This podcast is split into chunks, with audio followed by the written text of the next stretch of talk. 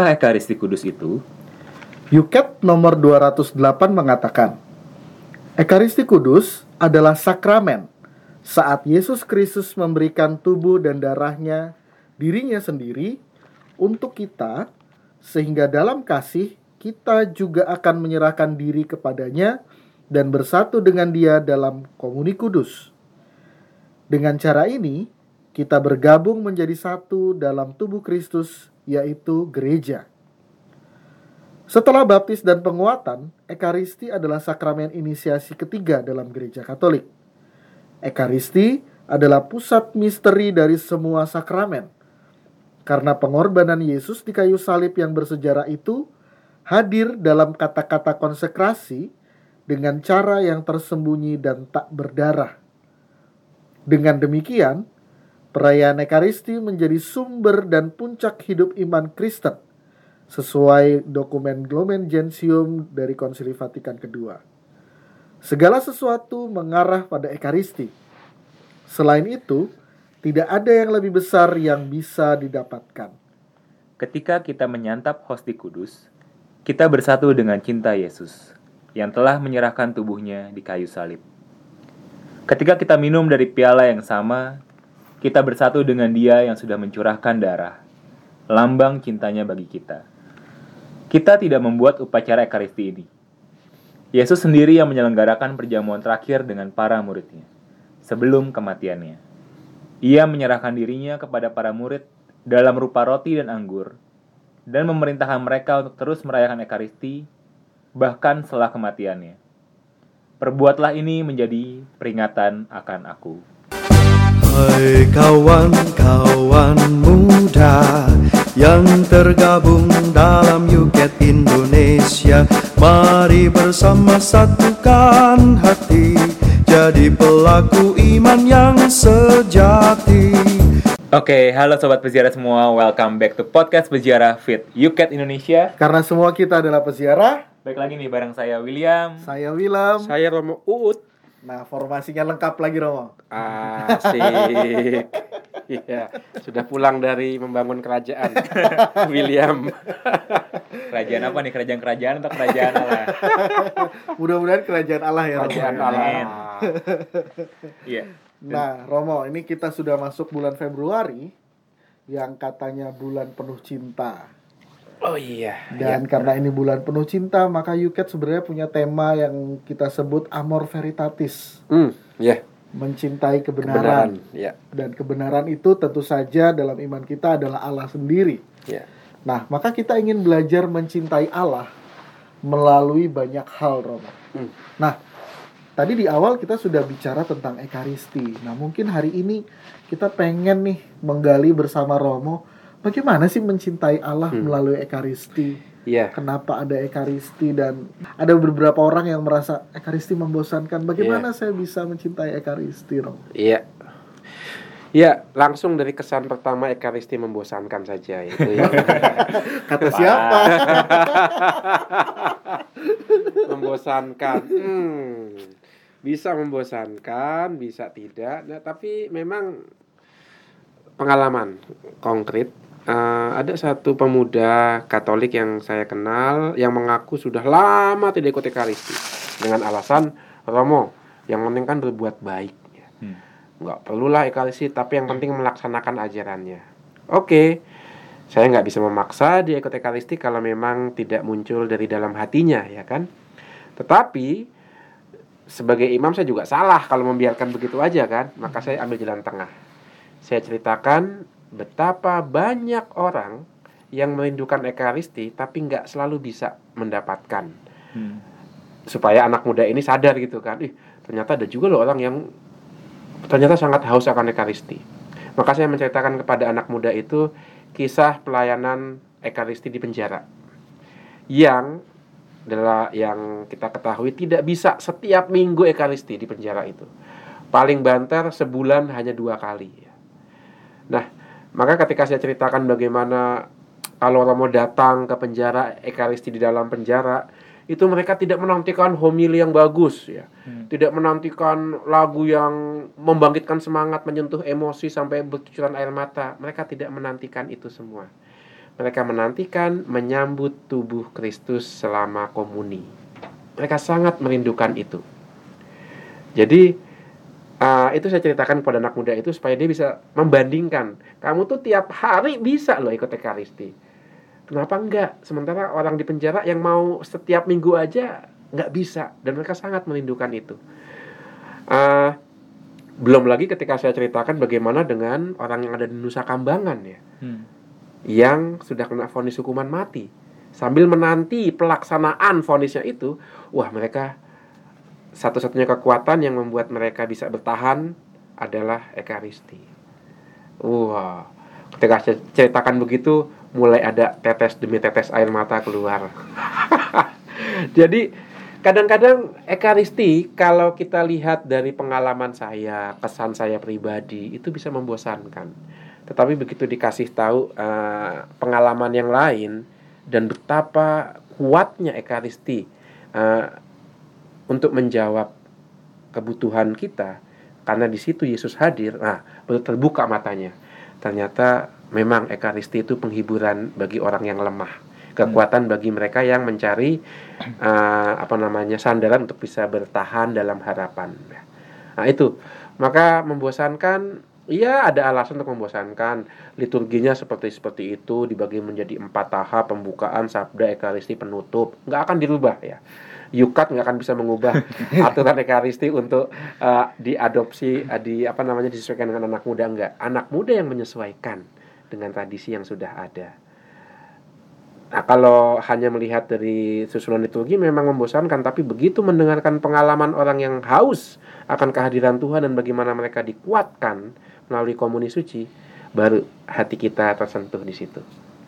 Itu uh, cara saya ketika menanggapi ekaristi membosankan. Saya tatapkan dengan kekuatan yang diterima oleh banyak orang yang lemah, yang membutuhkan sapaan dan kekuatan Allah. Nah, jadi nggak membosankan lagi ekaristi malah malah dinantikan dan sangat uh, dibutuhkan Iya. iya itu Karena mungkin kita sudah terbiasa ya, taken for granted persis ya. taken for granted ya ngambil ya udahlah kan besok tiap minggu tiap minggu tiap minggu lalu membosankan tapi lupa uh, itu dinantikan banyak orang yang nggak selalu bisa tiap minggu merayakan Iya, mungkin sobat peziarah juga bisa ngecek nih episode kita bareng Devka ya. Iya. Menjadi Katolik di Jazirah Arab, Romo. oh Wah, ah, susahnya, itu dia. susahnya dia untuk Itu mencari dia. gereja. persis ah, ah. pulang pergi meskipun di kota besar gitu ya sebuah ibu kota suatu negara Iya. yang sangat maju tapi perjalanan menuju gereja itu mahal sekali pulangnya apalagi oh karena jauh ya karena jauh dan, Dan hanya tidak, satu tidak gereja. punya teman juga. dan tidak tidak oh iya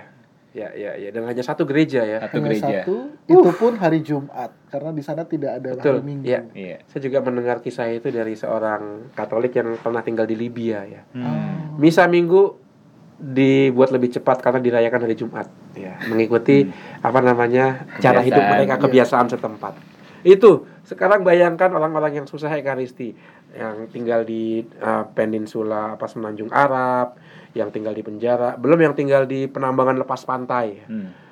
Wah itu masa romonya dibawa pakai helikopter ke sana kan terlalu mahal ya. Bisa berapa bulan mereka tidak bersentuhan sama ekaristi. Maka kadang-kadang untuk bisa menembus kebosanan kita perlu membuka wawasan terhadap orang yang membutuhkan tapi tidak selalu dapat eh, memenuhinya. Itu. pengalaman sama dulu mungkin saya dapatkan waktu saya di Bengkulu Romo Hmm, ya. jadi Bengkulu itu nggak tahu kalau sekarang ya parokinya hampir satu provinsi itu satu paroki Ya. dan itu artinya paroki itu punya sekitar 40 sekian stasi dengan Wah. tiga romo 40 stasi, dengan tiga orang romo tiga romo. nah akhirnya setiap minggu tuh setiap romo pasti akan ada yang keluar untuk ke stasi dan suatu kali saya pernah ikut berangkat itu dari hari Kamis siang baru pulang minggu sore Iya. dan setiap kali itu mungkin misa bisa sehari itu dua kali di tempat-tempat yang berbeda Ya. Hmm. jadi kayak misalnya berangkat hari Kamis siang, tiba sore, saya ingat namanya tempatnya itu air periukan stasinya. Ya. Itu misa dengan cuma ada dua kayak 15 orang Ya. gitu. Liturgi hari Minggu. Liturgi hari Minggu. Hmm. Dan Ya. itu mereka baru akan ketemu lagi bulan, Bulan depan. depan. Astaga. Sebulan sekali. Lalu sekali. habis dari air, air periukan, kami lain. pindah ke stasi lain Rawa Indah kalau nggak salah. Itu setengah delapan malam Romo. Iya. Di rumah panggung yang sederhana sekali Iya. dan misalnya hari Minggu juga Iya. kami tidur di situ dengan Romo. Eh, Romonya sekarang tugas di Dokpen KW ini kebetulan.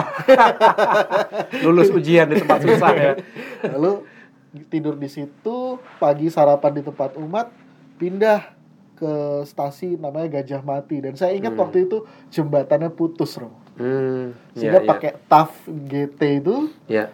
akhirnya nyemplung masuk sungai. sungai, untuk nanjak lagi. untuk nanjak iya. lagi. Iya. Itu pun juga yang bisa 10 orang. Iya. gitu.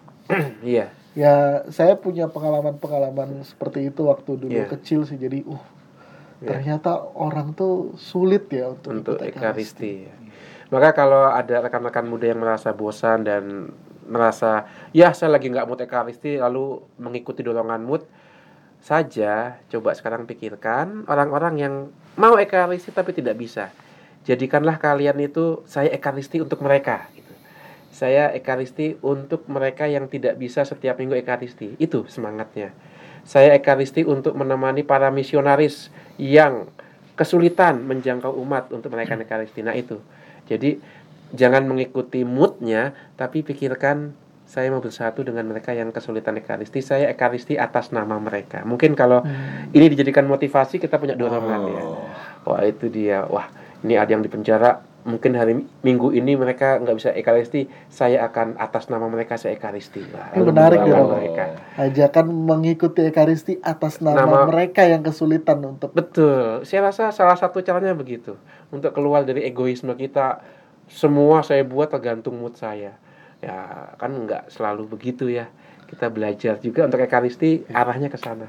Nah, sobat peziarah boleh nih kita jadikan motivasi kita nih, Iya. ajakan Romo Uut nih. Mhm. Bagaimana kita hadir dalam setiap ekaristi dan kita membawa rekan-rekan kita umat beriman lain yang mungkin kesulitan Iya. mendapatkan ekaristi, entah karena jauh, faktor geografis, mungkin mereka yang di penjara, mungkin mereka yang sakit, Iya, atau mungkin mereka yang memang mendapatkan persekusi, Romo. ya. iya betul. Mereka yang mengungsi dan lain Iya. sebagainya. Iya.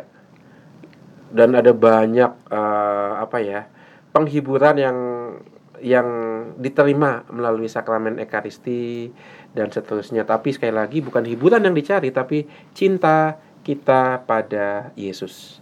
Termasuk saya yakin ekaristi atas nama orang yang kesulitan, saya yakin itu juga bentuk cinta kita ya pada Yesus melalui orang-orang yang rindu pada Yesus tapi nggak bisa ketemu. Dan juga mungkin bentuk silih kita. Bentuk ya. silih kita juga, betul.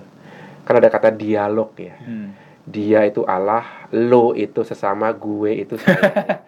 Boleh. Saya kira ini ada istilah Yunani apa gitu ya. iya kan dialog. Maka saya akan berjumpa dengan Tuhan melalui lo, melalui kamu. Supaya ada dialog itu kan ya. Maka saya nggak bisa langsung ke Tuhan, tapi atas nama lo saya ekaristi, maka saya berjumpa dengan Yesus. Maka bisa dijadikan prinsip dialog ini ya. Atas nama kamu yang kesulitan ekaristi, maka aku bisa berjumpa dengan Allah. Gue-nya itu. Jangan dibalik, gue, lo, dia. Jadi GLD Orang ketiga, Romo. iya, itu jadi orang ketiga karena kita duluan. Nah, itu dia. Oke Romo, tapi Iya. mungkin kita juga perlu menggali juga. Kenapa sih gereja betul-betul mengutamakan ekaristi? Iya. Tadi kan di kutipan Yuket itu menurut Lumen Gentium ekaristi itu sumber dan puncak. Hmm. Kenapa bisa begitu Romo? Kenapa bisa begitu? Ini menarik. Ekaristi kan intinya perjamuan ya. Hmm. Intinya perjamuan makan dan minum. Menarik bahwa Yesus membawa kita dekat dengan Allah melalui makan dan minum. Sementara dalam banyak budaya orang dibawa dekat dengan Allah melalui puasa.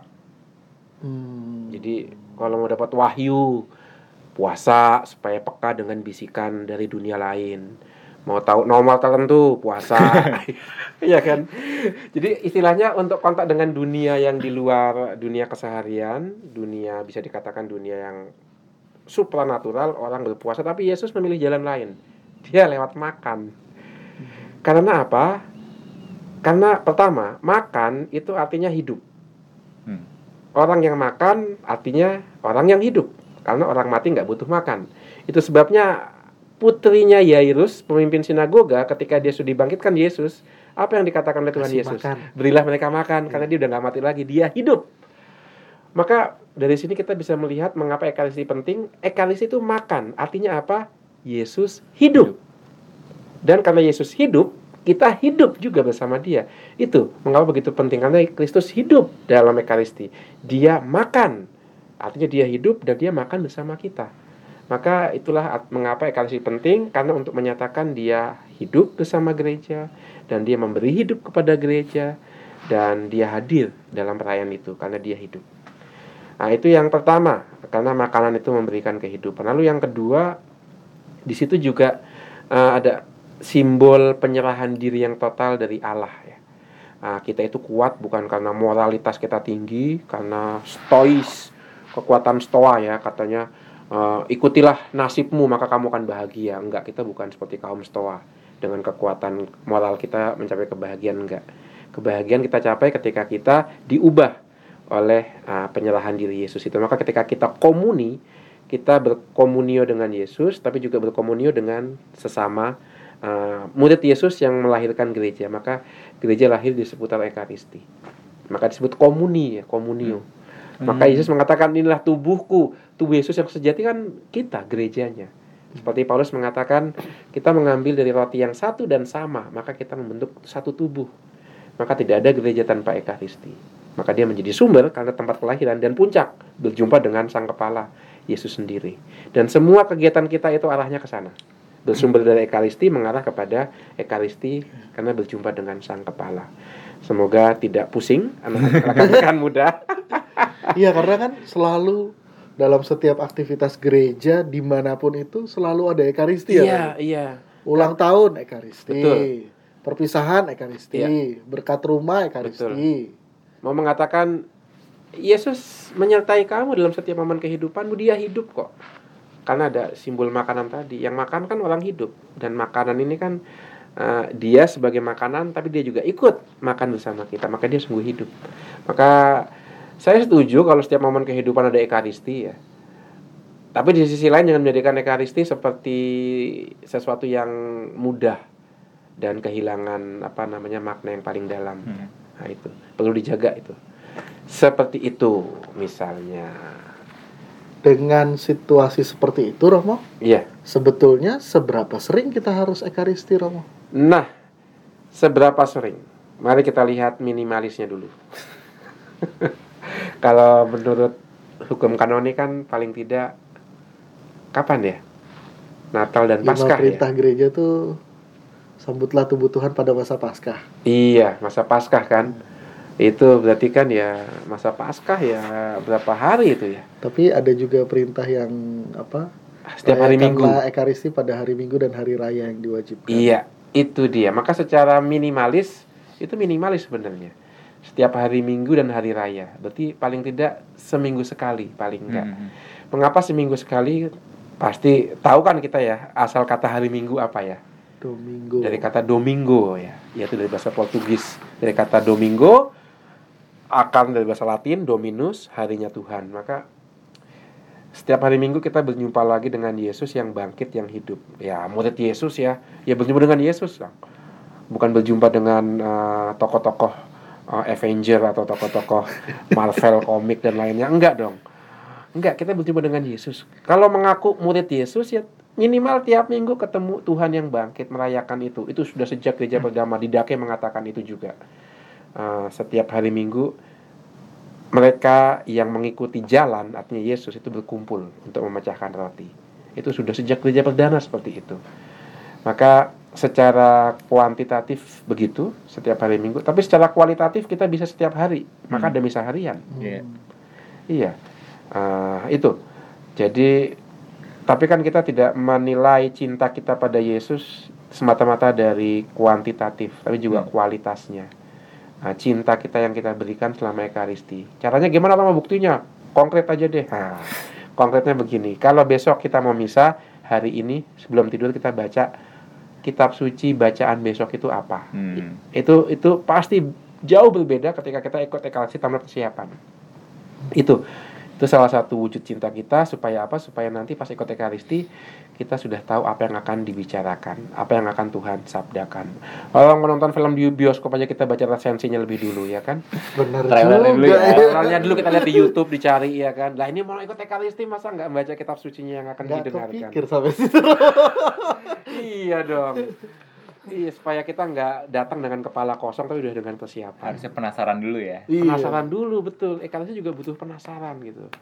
Ya seperti orang pacaran ya kan. Hari ini pacar saya pakai baju apa ya? Penasaran kan lalu semakin pengen ketemu. Nah, Yesus lebih dari pacar dia. Dia sahabat dan saudara dan Tuhan kita. Itu. Maka menyiapkan diri untuk ekaristi, berpartisipasi dalam perayaan itu bukti cinta kita tidak hanya pada Tuhan tapi juga pada gereja tubuhnya. Hmm. Dua-duanya langsung. Begitu. Iya, makanya pertanyaan dari Willem tadi nih, kebetulan aku lagi baca kemarin keluaran Iya. apa pesan dari Allah kepada Musa. Iya. Hari istirahat itu harus kamu hormati sebagai hari yang suci. Kamu Ya. kuberi enam hari untuk bekerja, tetapi hari yang ketujuh adalah hari besar yang dikhususkan untukku. Iya. Siapa yang tidak menghormatinya tapi bekerja pada hari itu harus dihukum mati. Waduh. Waduh. Sabat itu. itu keluaran atau ulangan itu? Keluaran itu. Keluaran ya. Serem ya. 31. Itu perintah Allah itu. Yang menarik apa? Yang menarik kan dalam perintah menghormati hari Sabat eh, yang sebenarnya masuk dalam bagian pertama dari Dekalog tidak ada perintah untuk melakukan ibadah. Hmm. Hanya perintah beristirahat. Hmm. Jadi dalam 10 perintah Allah hormatilah hari Sabat artinya diminta beristirahat. Tidak untuk melakukan upacara agama enggak, yang penting beristirahat. Mengapa beristirahat? Supaya orang ingat hidupnya itu tidak hanya tergantung dari produktivitas dia. Maka ketika beristirahat sebenarnya mengingatkan kembali ketika dulu Allah pertama kali menciptakan dunia. Semua datang dari Allah, semua hidup karena Allah. Maka dalam hari Sabat itu ada yang namanya rekonsiliasi. Manusia nggak perlu saling bersaing untuk memproduksi mana yang paling banyak untuk mendapatkan duit yang paling banyak. Hmm. Persaingan dihapus. Ada kesetaraan. Maka budak juga nggak kerja kan, binatang juga nggak kerja, tanah juga nggak digarap. Maka sebenarnya hari Sabat itu hari kesetaraan di antara manusia, tidak ada persaingan, tidak ada saling menindas, budak juga nggak bekerja. Ah, Sekat-sekat yang dibangun manusia hancur karena semua dikembalikan ketika dulu Allah menciptakan alam. Tidak ada saling membunuh satu sama lain. Tanah juga nggak dibajak, nggak digarap. Binatang juga dibiarkan bebas. Itu sebenarnya inti dari hari Sabat beristirahat. Hmm. Maka hukumannya berat karena apa? Kamu merusak ciptaan ya. Maka harus dihukum mati bukan karena uh, apa nggak boleh kerja lalu saya bekerja. Enggak, karena maknanya adalah kamu menolak bahwa hidupmu tergantung dari Allah, itu pesannya. Maka ada yang namanya Yubelium, Sabat Agung, di mana semua tanah yang dulu dibeli dari orang miskin, karena orang miskin itu nggak bisa bayar utang, pada Yubelium Agung dikembalikan ke orang miskin itu. Hmm. Maka orang bisa hidup lagi dari tanah yang dulu dia jual karena nggak mau bayar hutang. Semua dikembalikan ke posisi sedia Semula. kala, semula seperti dulu ketika Allah menciptakan orang punya lagi eh, apa namanya modal untuk hidup. Nah, itu budak-budak yang dulu menjual diri sebagai budak karena nggak bisa bayar hutang dibebaskan, jadi orang bebas lagi. Itu masyarakat ideal yang lahir dari 10 perintah Allah. Maka 10 perintah Allah bukan hanya perintah, tapi model masyarakat ideal yang lahir dari eh, apa namanya iman akan Allah yang membebaskan Hmm. itu sahabat kenapa jadi ngomongin itu ya dari ekaristi ya Tapi ngomong-ngomong Ekaristi Romo, Iya. gara-gara ikut kelas sakramentologi. Wes.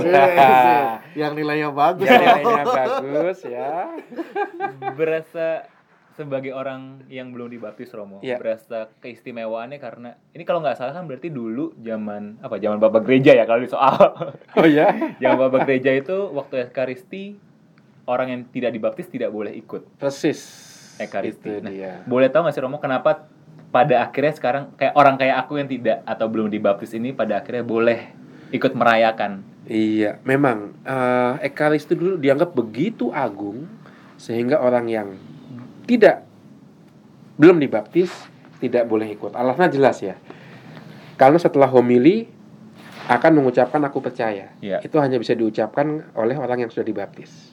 Lalu setelah aku percaya ada ekaristi, yang dulu juga hanya di- bisa dilihat dan diikuti orang yang dibaptis lalu ada doa Bapa kami. Mm-mm. Bagaimana kamu bisa mengatakan doa Bapa kami kalau kamu belum dibaptis?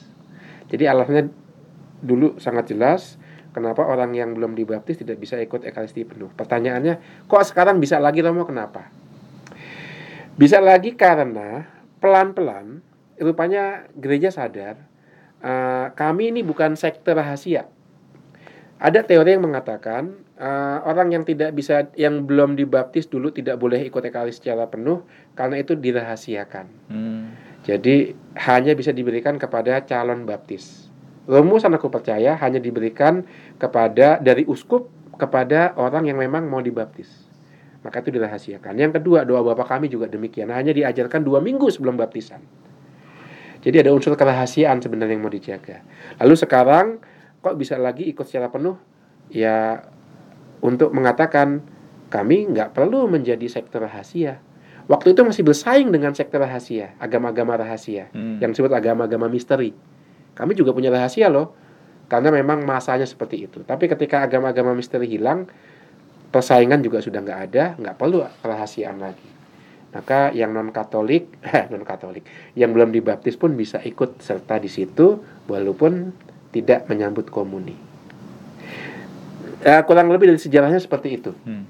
Dan apa artinya Romo kalau menyalakan tangan ketika ingin menerima komuni bagi orang yang, yang belum dibaptis ya menyilangkan tangan artinya praktisnya oh berarti nggak bisa saya kasih komuni ya kan? Karena kan um, udah begini ya udah tangannya udah disilangkan di uh, dada berarti Romo tahu oh ini berarti tidak akan menerima komuni hanya diberi berkat. Lalu yang kedua menyilangkan tangan juga berarti satu apa ya satu sikap kerendahan hati oh saya belum belum bisa saya belum pantas jangan beri saya komuni suci uh, dan seterusnya. Jadi ada praktisnya ngasih tahu romonya tapi juga ada sikap rendahan hati. Bahwa sebaliknya kalau orang sombong kan istilah Indonesia kan membusungkan dada ya. Dadanya diperlihatkan ya. mana dadamu? Ini dadaku. Kan gitu kan ya memperlihatkan kekuatan. Tapi menutup dadanya menyilangkan tangan itu simbol kerendahan hati. Maka ketika kita mengaku dosa kan mea culpa memukul-mukul dada kan. Hmm. simbol kerendahan hati di hadapan Allah yang penuh cinta Karena Gitu. saya kadang nggak enak rasanya menyilangkan tangan kayak kok menolak kayak kan Oh, kesannya gitu ya Romo ya. Kalau saya kan iya, kayak iya. aduh kok kayak menolak ya. Iya. Iya. Enggak, itu itu simbol yang juga dipakai di banyak negara, bahkan di negara seperti yang ekumenisnya sudah sangat maju seperti di Swedia, di Jerman. Itu yang non Katolik pun ikut misa ekaristi Katolik. Tapi syaratnya itu tadi pas komuni mereka menyilangkan kedua tangan di depan dada. Iya. Tapi Romo lebih baik menyilangkan tangan dan ikut dan menerima berkat atau kan ada sebagian lain dulu aku juga ah, duduk aja deh. Oh. Ya nggak enak kalau ini. Lebih baik yang mana Romo atau tidak ada yang lebih baik? Eh, sebenarnya tidak ada yang lebih baik, tetapi untuk menunjukkan persekutuan dalam perjamuan yang sama, ikut maju tapi eh, tidak menerima komuni. Hmm. Karena toh ketika diberi salib ya di dahi itu kan tanda kamu itu milik, Milik Tuhan, Allah. milik Allah. Jadi menerima komuni milik Allah karena Tuhan sudah menyerahkan diri bagi dia. Kamu juga milik Allah fak karena kamu faktanya diciptakan oleh Allah nah, sebagai manusia anak-anaknya. Itu. Jadi itu lebih sesuai pas dengan komunio namanya. Nah, Romo, selama ini kan kita nanya terus ke Romo nih ya. iya. Boleh dong sekali-sekali kita nanya ke William ya Romo. Betul. kan Iya, eh, ini yang saya tunggu-tunggu. Tadi kan udah cerita bahwa William belum dibaptis, Hmm, iya. tapi eh, selalu ikut ekaristi Wah, mingguan. luar biasa. Ah, Tidak ada skrip. Memang kita tidak pernah punya skrip. Gak pernah punya skrip ya. Mungkin menarik loh kalau kita dengar ceritanya. Kenapa eh, sebagai orang yang belum, Belum dibaptis, kan sebenarnya ya. tidak ada kewajiban Iya. khusus untuk Iya. rutin mengikuti ekaristi. Apa gerakan betul. apa yang mendorong sehingga dirimu selalu ingin ikut ekaristi, Ekaristi dan setiap minggu. selalu kalau paling tidak kalau misa dengan saya misa apa pun dia selalu mencoba maju dan menerima berkat, Berkat, Romo. iya. Ini Coba Will, cerita dong. Ini juga bagus untuk anak-anak muda yang udah kehilangan motivasi ke ke ekaristi ya. Ini yang belum dibaptis aja rajin kok kamu. Semangat. Semangat gitu. Ini mau jawaban jujur. jawaban yukat lah, jawaban yukat. Eh, kalau jawaban jujurnya dulu karena pacarnya sama orang Katolik. Oke. Ini jujur ya. Jujur ya, jujur ya. Masih. masih, masih. Oh, masih. Bahaya loh nanti didengar Kan diprotes. jo- pacarnya orang Katolik. Oke. Gitu. Terus ya udah diajak Hmm. untuk ikut misa. Wow, mulia sekali. Ya udah ikutlah gitu kan ya. Iya. Ikut segala macam. Tapi waktu dulu tuh belum berani untuk ke depan. Iya. Lebih ke arah malu atau segan Iya. sih sebenarnya kayak kok kayaknya beda sendiri ya sama Iya. yang lain. Kagak kagak ngerti dulu kan bahkan tanda salib aja kagak ngerti. Hmm. Iya. harus harus sujud eh kagak ngerti pengakuan ah, pengakuan dosa kagak ngerti gitu kayak kayak ada ada rasa malu dulu ada rasa segan hingga akhirnya mulai belajar sendiri Iya. awalnya bukan mungkin bukan karena ingin dekat dengan iman dengan Allah ya tapi Iya. lebih kepada aduh masa nggak bisa sih masa pas Hmm. ini diem sih gitu Iya. ya, awalnya awalnya kayak gitu awalnya karena ah, kayaknya lebih keren lebih keren kalau misalkan bisa deh jadi ya udah deh belajar sendiri aja dibanding kayak diem diem Iya. nggak ngerti apa apa gitu sampai sekarang juga masih belajar sih tapi pelan pelan lebih ngerasa kalau dapet kedamaian ya mungkin ya Romo Wow. ya mungkin tidak misalnya tidak setiap hari yang seperti Romo bilang tapi ketika misa hari Minggu tuh pelan pelan bukan lagi sesuatu yang sifatnya ah kayaknya harus ke gereja gara-gara ini kalau enggak nanti diomelin pacar. Dulu kan kayak gitu ya. Iya. tapi kalau kalau sejak ya beberapa lama belakangan ini apalagi ketemu Bapak Willem ini. Ah, luar biasa. Mulai lebih ke ah iya kayaknya memang harus misa deh, memang harus ikut perjamuan deh karena Hmm. apa ya? nggak bisa dijelaskan sih, mungkin karena Iya. ada dorongan kayak kalau dulu tuh kayak kalau uj- udah hujan ah, udahlah nggak usah lah. Oh, ada hujan ini. Ada alasannya gitu Alasan ya. ya, nggak tahu Tapi kalau sekarang hujan pun masih ya. Iya. Ya udah memang udah harus gitu kayak Iya. nggak tahu kenapa tapi memang udah harus gitu. Iya. Jadi kalau ditanya kenapa pada akhirnya bisa entah ya kenapa Romo itu juga kayak nggak tahu kenapa tapi Iya. di awal ya memang dorongan itu dorongan yang bukan karena ya jujurnya bukan karena iman lah Iya. tapi bener-bener karena ya udah ngikut aja gitu dari dulu juga ngikut aja gitu Iya, It- itu seperti orang kenapa saya mencintai dia ya nggak bisa dijelaskan kan ya, Nggak tapi ya mesti ke situ loh arahnya. Iya, saya bisa paham itu. Tapi menarik ya Romo transformasinya dari awalnya itu Persis itu, iya, iya. sesuatu yang Wajib. ya gitu aja. Daripada diputus ya kan, Heeh. maka sekarang menjadi sesuatu yang kebutuhan ya. Iya, itu bahkan bagus. bisa mengajarkan Asik. bisa sharing bisa sharing keren. Nah, itu iya loh, sakramentologi nilainya bagus. diungkit mulu ya Mendingan mau ditutup aja deh, diungkit terus. Iya, tapi ya salah satunya memang eh, kalau tadi kita juga bahas tentang survei bilangan ya ini ngomong ada Iya. survei juga kalau memang keinginan untuk ke gereja itu karena ada mentor karena ada orang yang diteladani Iya, itu sih yang rasakan ada Romo Uut, ada Willem, ada orang-orang yang ngasih Ya. kekuatan Clara Josephine. Iya. ada orang-orang yang ngasih kekuatan. Mungkin aku beruntung gitu. Iya. Menurutku ya aku beruntung karena bisa Iya. berkenalan dan menurutku bukan keberuntungan juga, tapi ya memang sudah dijalani gitu. Tapi, tapi Dei. ya ada beberapa teman-teman yang mungkin tidak seberuntung aku. Nah, itu sebenarnya Oh. mungkin menurutku masalah gereja ya, masalah gereja Iya. saat ini. Karena ini aku sempat sharing, ini sekalian aja ya, sempat sharing ke Willem kayak Hmm. gimana sih caranya orang yang cuma ke gereja karena keharusan Iya. yang nggak bisa ngapa-ngapain juga karena dulu orang tuanya adalah Katolik ya udah Katolik mau Iya. diapain lagi gitu kan ke gereja tapi berharap tumbuh imannya ini kasarnya tumbuh imannya tapi hanya perayaan ekaristi yang terus mengulang ini Iya. pemikiran manusiawi aku ya Iya. gimana caranya tumbuh imannya tapi yang diajarkan adalah hal-hal yang terus berulang gitu Iya. kalau tidak ada pengajaran-pengajaran lainnya di luar itu yang menjelaskan kenapa pentingnya ekaristi seperti podcast ini Iya. ya bagaimana caranya kita bisa tumbuh imannya Romo Iya. Betul. kan kita tidak bisa ya mungkin ekaristi memang penting perjamuan yang memang sudah dibuat oleh Allah sebelum dia Yes, wafat iya, tapi kan sendiri. kita sebagai manusia kalau cuma ngelihat itu doang tidak bisa langsung dek kena Iya. susah banget mengharapkan kita langsung kena gimana Iya. tuh Romo kira-kira Iya, itu dia. Maka saya yakin anak muda udah pengen rasa ingin tahunya sudah besar. Yang menarik adalah begini, saya punya satu dua teman lah yang betul yang dikatakan eh, William tadi ya ke gereja karena lebih karena kewajiban. Tapi begitu dia menonton film tentang 12 rasul, terbuka lah dia. Oh begini tuh dulu sejarahnya. Lalu dia punya alasan untuk ikut ekaristi bahkan dengan pengetahuan yang dia tonton dari film. Ya. Maka kadang, menurut saya kadang-kadang informasi itu yang penting itu. Podcast ini kan tujuannya ke sana memberikan informasi sehingga orang tahu alasan mengapa saya ikut ini. Apa nilai di balik itu ya kenapa sejarahnya. Uh, dengan ya sekarang kan generasi visual ya. Generasi sekarang sangat visual, maka melalui film orang bisa tersentuh.